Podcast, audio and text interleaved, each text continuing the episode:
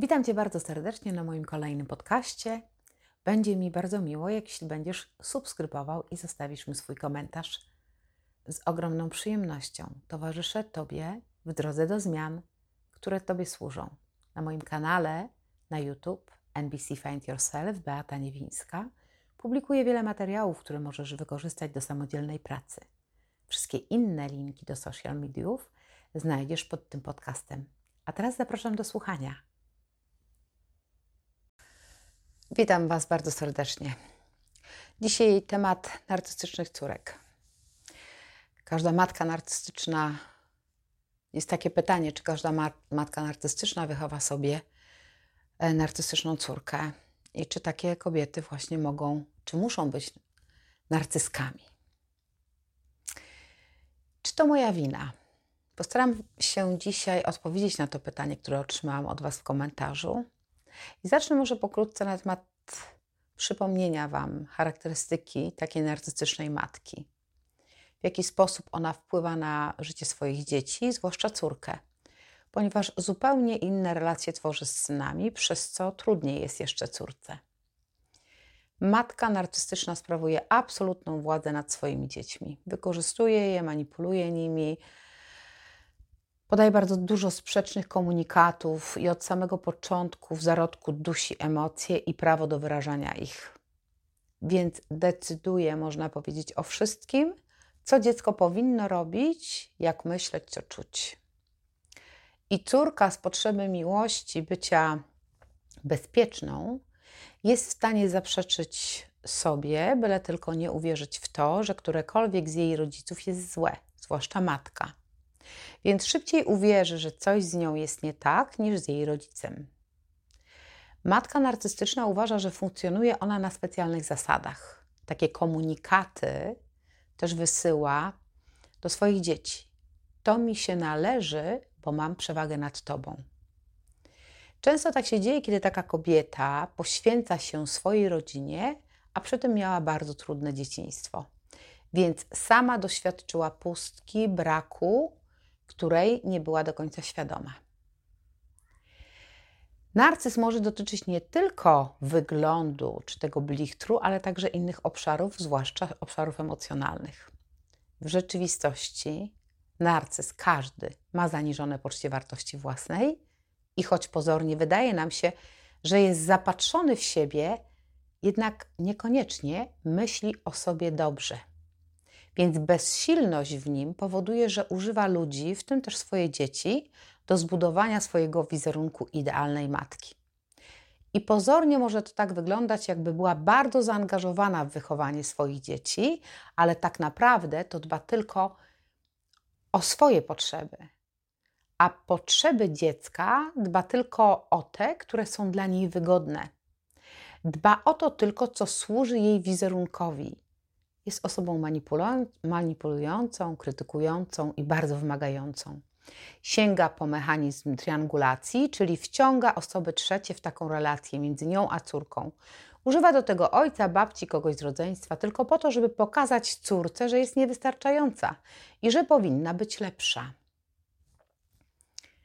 Dość charakterystyczne jest też to, że ona nigdy nie pyta, jak się córka czuje, czy czegoś potrzebuje tylko będzie cały czas zainteresowana opinią innych ludzi. Po prostu chwali się córką i celebruje wszystko, co ona może jej dostarczyć swoim zachowaniem lub wyglądem, czy powodem do dumy. Więc nie dopuścić do tego, żeby cokolwiek brzydkiego wyszło na zewnątrz. Wszystko ukrywa, wszystko, co dzieje się w domu. Tylko dlatego, żeby nie powstała jakakolwiek rysa na jej wizerunku.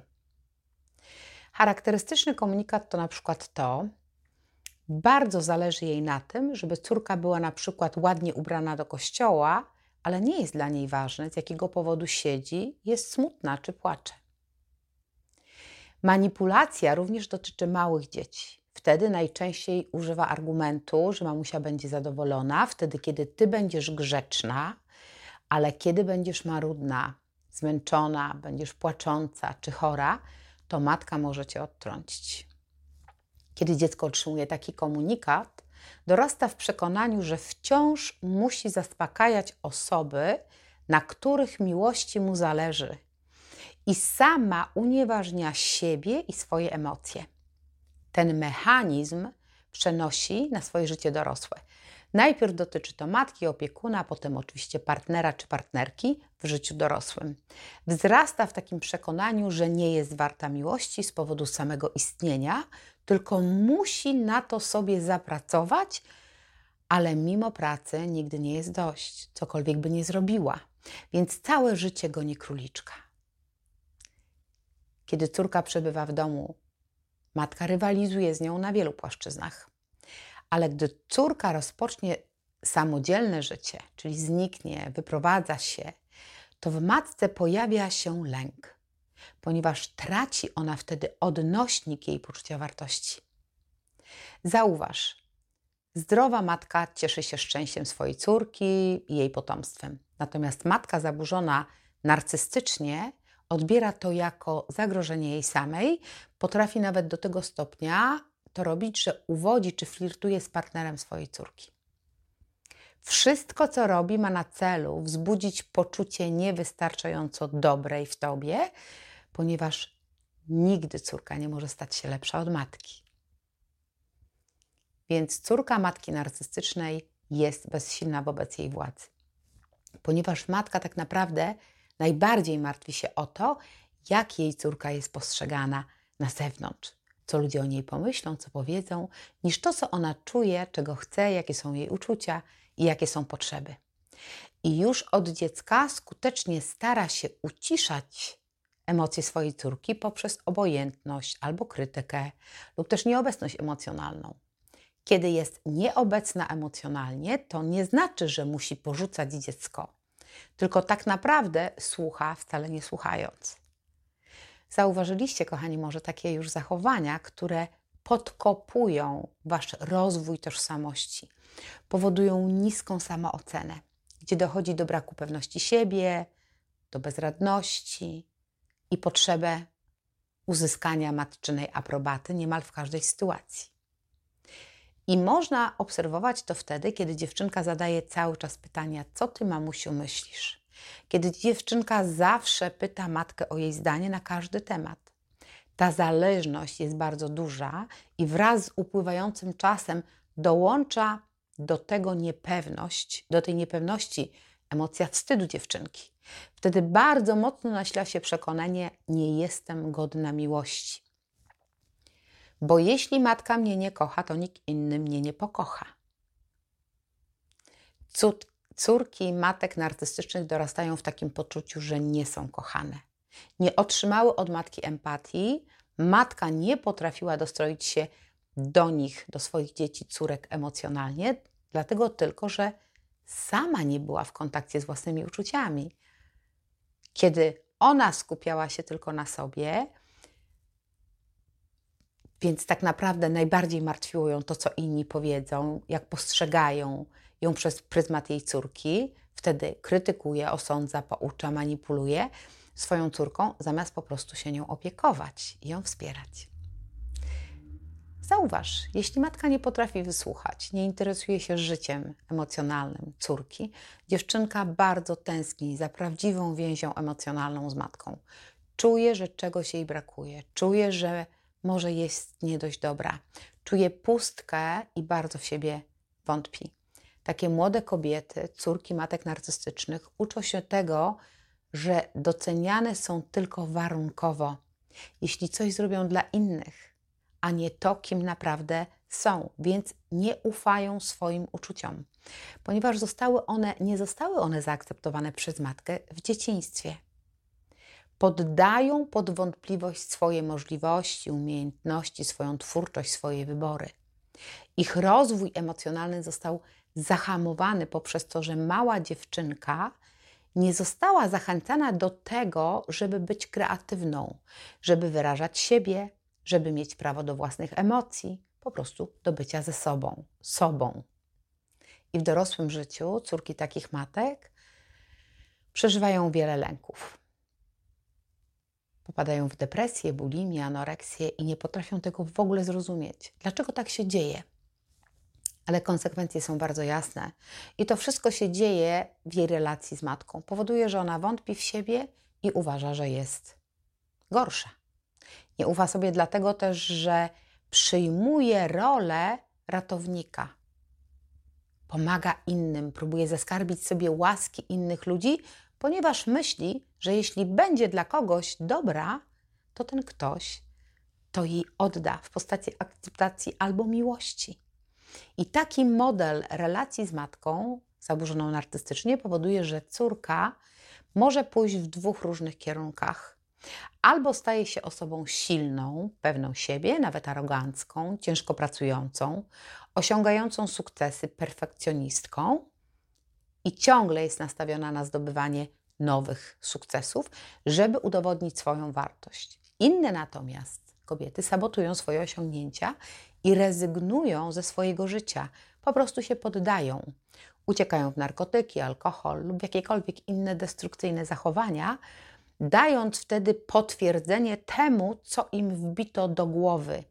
Mama miała rację, jestem niewystarczająco dobra. Matka narcystyczna traktuje zawsze dziewczynkę zupełnie inaczej niż syna. O córkę jest zazdrosna i czuje, że to może być dla niej zagrożeniem. Najczęściej wybiera sobie jako kozła ofiarnego dziewczynkę. W bardzo otwarty sposób prowadzi taką grę, dyskredytując właśnie dziewczynkę. Czyli nagradza chłopców, jeśli w tej rodzinie są, wyróżnia ich w sposób bardzo szczególny i taki sposób umniejszający dziewczynce.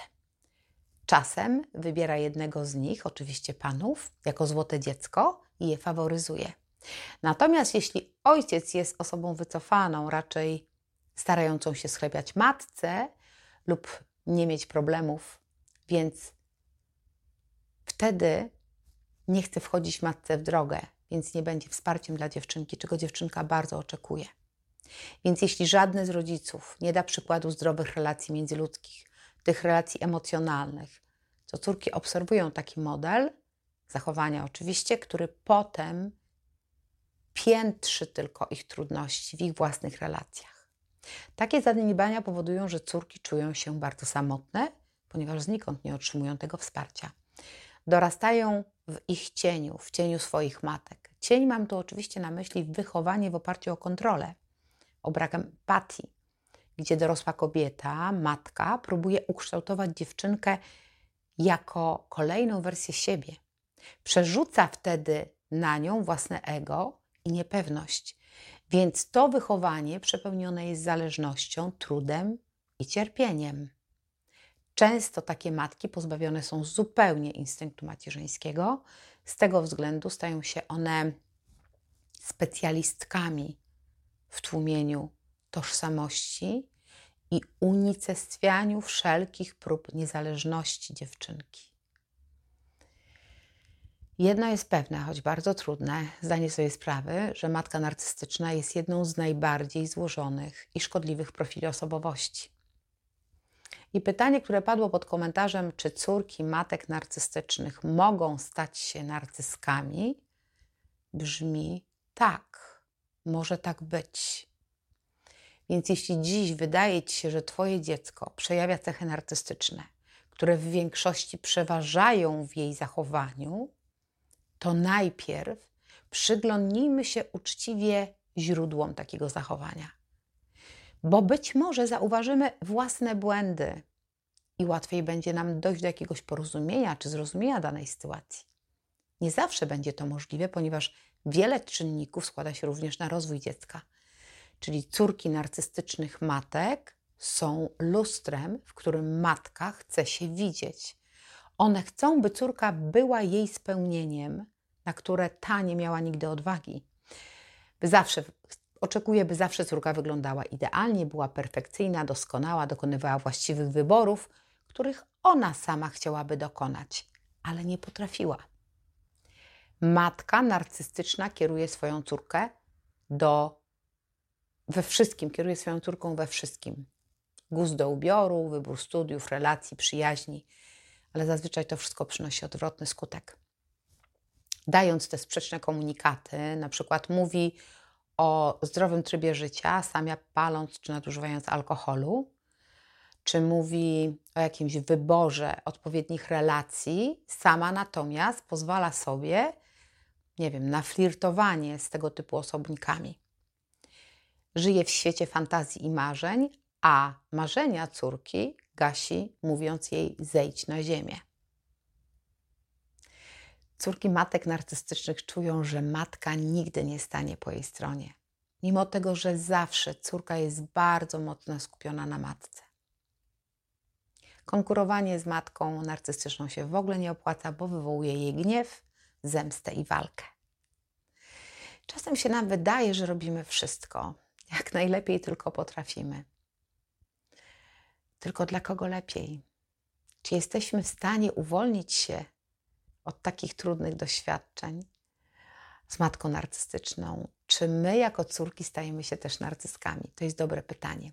Ale wyzwolenie wcale nie jest łatwe, ponieważ jest to rana, która spowodowana jest dorastaniem z nieokreśloną naszą tożsamością, dorastaniem w emocjach, które były sprzeczne im albo musiały być ukryte, trudne, dlatego że jest tam dużo wstydu i bardzo trudno temu stawić czoła, czy uwolnić się od skutków takiej zależności.